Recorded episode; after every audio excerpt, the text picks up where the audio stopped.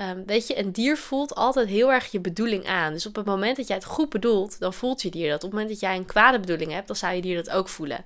Dus op het moment dat jij iets moet doen bij je dier, wat je dier verschrikkelijk vindt, ehm, maar jij doet dat met een goede bedoeling, met een goede intentie, dan voelt je dier dat aan. Dan voelt je dier dat jij het goed bedoelt. Dus dan zullen ze je dat echt wel vergeven. Dan nemen ze je dat niet zomaar kwalijk. Kijk, dieren gaan het je wel kwalijk nemen als jij dag in dag uit hele nare dingen met ze doet met oprecht een kwade bedoeling. Als jij echt, stel voor dat je een of andere gekkie zou zijn die, die uh, dieren zou echt moedwillig dieren zou mishandelen, ja, dan gaat een diertje wel kwalijk nemen. Maar, of tenminste, dan is de kans best groot dat een diertje kwalijk neemt. Maar goed, dat vind ik ook logisch. Maar op het moment dat jij echt oprecht gewoon een goede bedoeling hebt. Um, uh, en dat oprecht doet vanuit liefde voor je dier, zal je dier dat altijd voelen. Hey, ik ben Ankie en dit is de In Verbinding met Je Dier podcast. Leuk dat je luistert. Ja, hallo allemaal en welkom bij weer een nieuwe aflevering van de In Verbinding met Je Dier podcast. Super leuk dat je weer luistert. Um, ik kreeg uh, um, onlangs een vraag van iemand en ik dacht, uh, uh, die vraag die ga ik ook met jullie, of mijn antwoord, mijn visie op die vraag ga ik ook met jullie delen. Want ik denk dat dit voor best wel veel mensen herkenbaar is, zeker als je dier wel eens ziek is geweest. Um, maar als je dier nog nooit ziek is geweest, dan heb je gewoon heel veel geluk gehad en dat is natuurlijk super fijn. Maar ja, het je kan het altijd meemaken dat een van je dieren in de toekomst nog ziek gaat worden. Um, dus ja, dan, dan bereid ik je met dit, met dit onderwerp, met deze aflevering, bereid ik je daar alvast een soort van mentaal op voor. dus ik denk dat het voor iedereen gewoon een hele leuke aflevering wordt. Um, interessante aflevering wordt. Tenminste, we gaan het zien. Hè? Ik moet hem nu nog maken. Maar um, de vraag die ik kreeg ging over een baasje die een uh, hond had die geopereerd was. En uh, daar, na die operatie was daar een wond. En die wond die moest verzorgd worden. Maar die hond die vond dat heel naar. En die liet dat eigenlijk niet toe. Um, maar ja, toch moest het gebeuren. Dat is gewoon medische zorg die gewoon moest. Um, dus dat baasje vroeg aan mij van... Ja, ik, ik, ik, hè, mijn hond vindt het heel erg naar, maar ik moet het toch doen. Beschadigt dit onze band? En dat is een hele goede vraag, want ik kan me voorstellen als jij, als een van je dieren ziek is en dan weet je van, hey, je bent met je dier naar de dierenarts geweest en de dierenarts geeft instructies van, nou, dit moet er gebeuren, zo moet het verzorgd worden of dit is de medicatie die je moet toedoen, toedienen of weet ik wat. Um, ja, je wilt het beste voor je dier, je wil dat je dier zo snel mogelijk weer opknapt.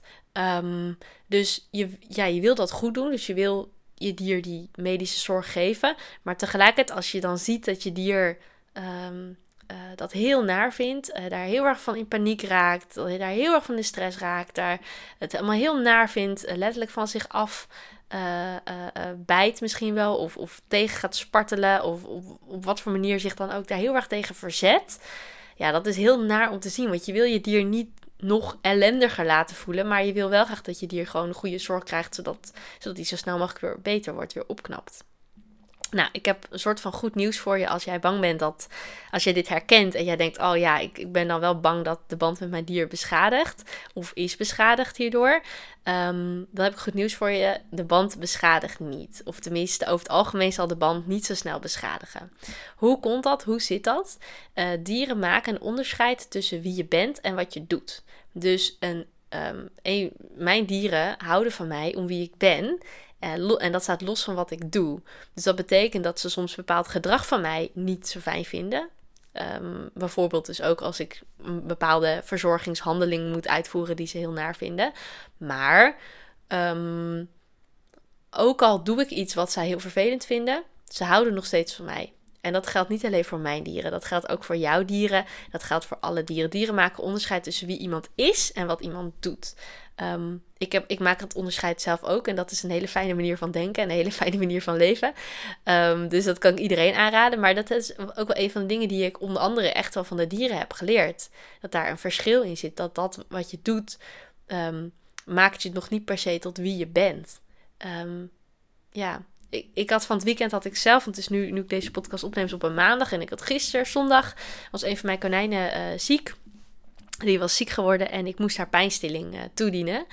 Um, maar mijn konijnen, uh, ik heb twee hele lieve konijnen. Mijn konijnen zijn ontzettend lief en ontzettend tam, zolang ik ze op de grond laat. Konijnen, uh, mijn konijnen hebben een grondige hekel aan opgeteeld worden. De een iets meer dan de ander. Um, maar nu was net dat ene konijn met de meeste hekel aan opgeteeld worden. Die, um, dat, was het konijn die de pijnstilling nodig had. En uh, ja, die wou ik haar toch echt toedienen, want ze had echt pijn. Dus het moest echt gebeuren. Um, nou ja, de, ik heb haar twee keer pijnstelling toegediend gisteren. En de eerste keer was dramatisch. Want natuurlijk vertel ik omdat ik met dieren kan communiceren, vertel ik dan aan haar wat er gaat gebeuren, wat ik ga doen. Ehm, en ze wist wel dat de pijnstilling goed was, dat dat beter was. Maar ze was zo ziek dat ze kon niet meer helemaal helder nadenken. Ze kon niet zeggen van, uh, oké, dan blijf ik rustig zitten. Uh, nee, uh, dat, daar, dat, dat zit ook op het stukje instinct, wat heel erg sterk is. En, en nou ja, goed, dat heb ik wel eens vaker in de podcast uitgelegd. Maar als je met een dier communiceert, communiceer je met de ziel van het dier. Um, maar dieren hebben daarnaast ook nog een instinct. En met hun ziel kunnen ze kon mijn konijn bijvoorbeeld heel goed begrijpen dat pijnstilling goed voor haar was. Maar haar instinct um, uh, zegt: hey, als je opgetild wordt, dat is heel gevaarlijk. Want konijnen worden, hè, wilde konijnen worden in het wild, worden ze vaak, uh, uh, of vaak, als een konijn wordt opgepeuzeld, dan komt dat heel vaak omdat een roofvogel van boven een konijn vanaf de grond met zijn poten vanaf de grond zo optilt en op die manier vangt. Um, dus als een konijn opgetild wordt, dan zegt het instinct: help, dit is paniek, want nu ga je, nu ga, nu gaan we, nu ga je dood. Dus uh, mijn konijnen verzetten zich daartegen. En logisch, want dat is hun instinct. Dus ook al kon ik aan mijn konijn uitleggen van... hey, um, dit is wat er gaat gebeuren. Ik ga je optillen, ik ga je pijzeling toegeven. En ik bedoel dat goed, ik bedoel het om jou te helpen. Dan nog, alsnog rennen ze weg, omdat haar instinct uh, wat altijd sterker is, wat altijd het sterkste is. Haar instinct zei, ja, ho, ho, ho, dit is gevaarlijk. En terecht, dat is heel logisch. Maar goed, het was een hele tour om haar te pakken te krijgen, want mijn konijnen hebben een ren en daarin staat ook een, een hok. Um, maar mijn konijnen hebben dan een hok met een trappetje, dan kunnen ze naar boven en naar beneden. Maar mijn konijn zat net op zo'n punt waar ik niet zo bij kon. Die zat onder aan het trappetje onder het hok.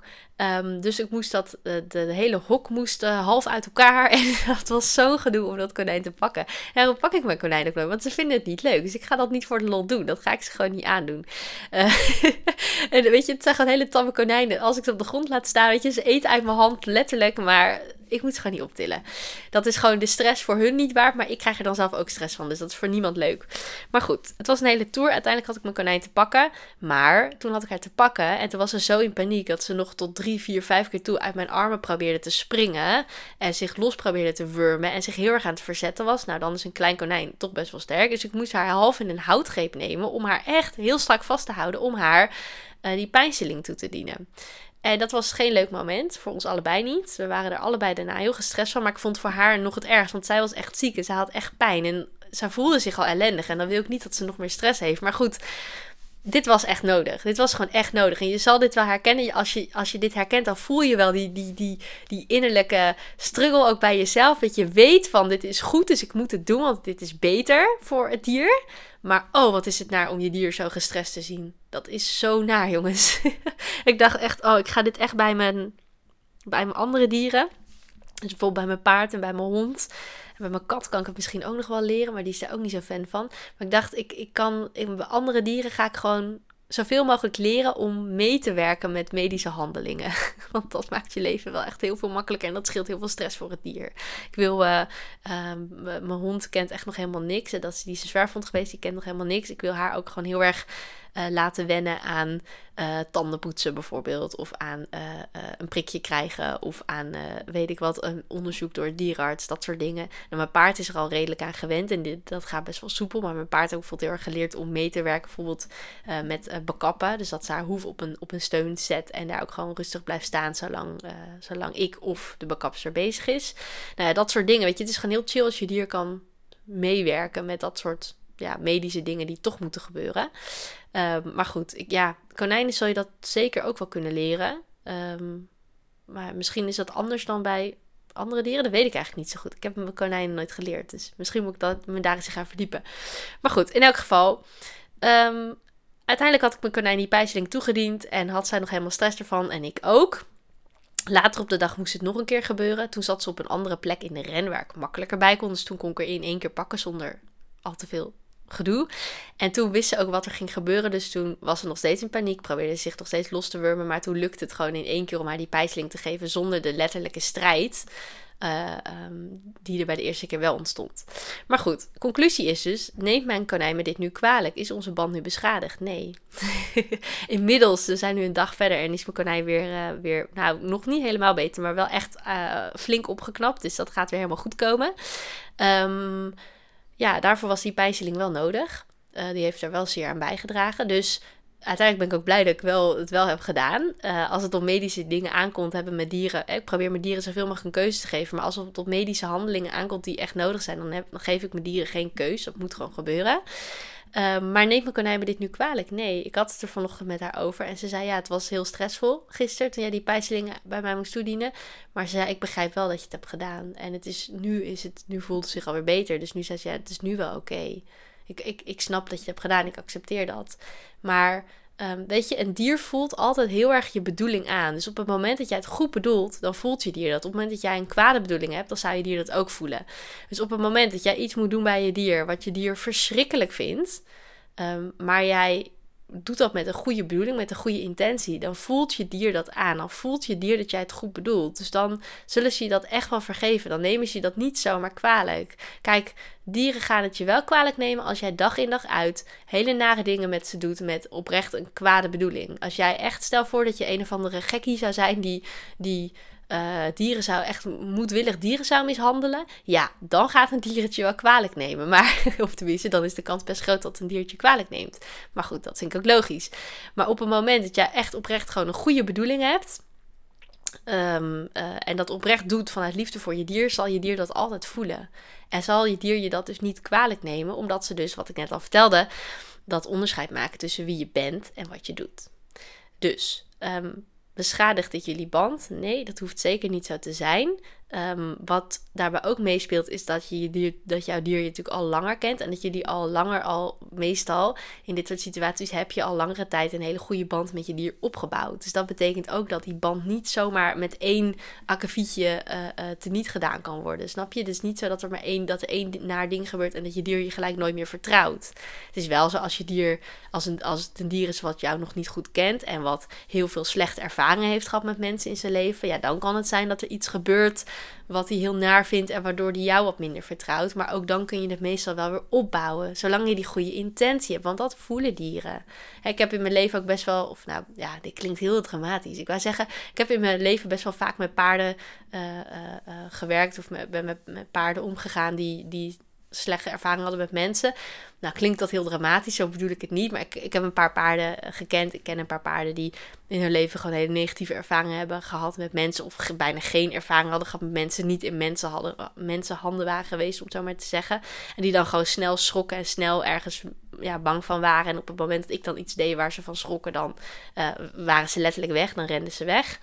Um, maar ook dan viel het vertrouwen eigenlijk altijd wel weer op te bouwen. Zolang je maar zuiver bent, zolang je eerlijk bent naar het dier toe. Want het dier voelt toch wel aan wat je bedoeling is. Soms dan zie ik ook mensen heel goed bedoeld, die willen dan bijvoorbeeld hun paard een wormenkuur geven tegen wormen. En ja, voor de, voor de, voor de mensen die een dier nog nooit een wormenkuur hebben gegeven, een wormenkuur smaakt meestal niet heel lekker.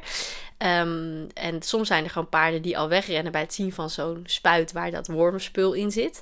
Um, en ik heb wel eens mensen gezien die dan met een wormenspuit achter hun rug naar een paard toe liepen. Van, uh, uh, zeg maar zo, ja, dan zeg maar niet wouden dat het paard wegrende. Dus dan dat wormenmiddel verstopte, anti-wormenmiddel verstopte, achter hun rug. En dan echt ze deden van, nee, er is niks aan de hand, kom maar. En dat is echt kansloos, want paarden en ook alle andere dieren voelen haar fijn aan wat jouw bedoeling is. En zeker als jij ja, als jij zo'n soort van verborgen agenda hebt. Dus als je, als, je, als je iets wil gaan doen, maar dat heb je nog niet kenbaar gemaakt aan het dier. Het dier prikt er haar fijn doorheen. Dieren voelen hartstikke goed wat jouw bedoeling is.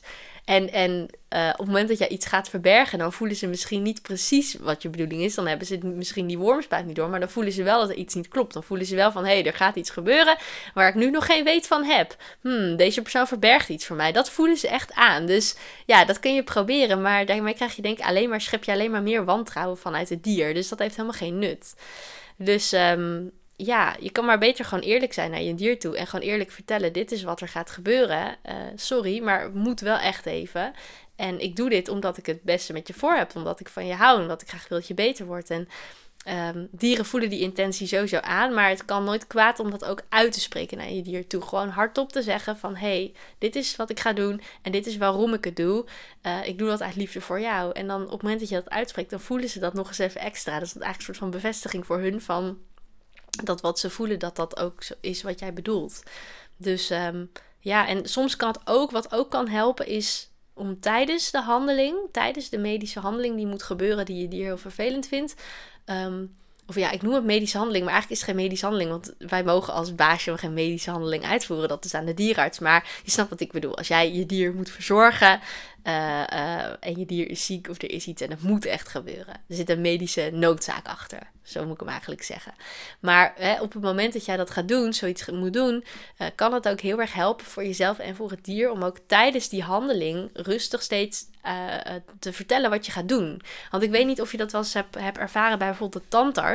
Maar ik had vroeger als kind ging ik naar een tandarts die dan was, ja, ik weet niet of dat een kindertandarts is of zo, maar er was iemand die dan vooral als tandarts vooral met kinderen werkte of die daar een, een specialisatie in had. En die ging dan uh, tijdens zo'n controle van mijn gebit, ging, ging zij echt uitleggen van nu ga ik dit doen, nu ga ik dat doen. Uh, dat kan een beetje zo voelen of oh, je kan dit voelen of oh, als het niet goed gaat, steek even je hand op, weet je wat dat.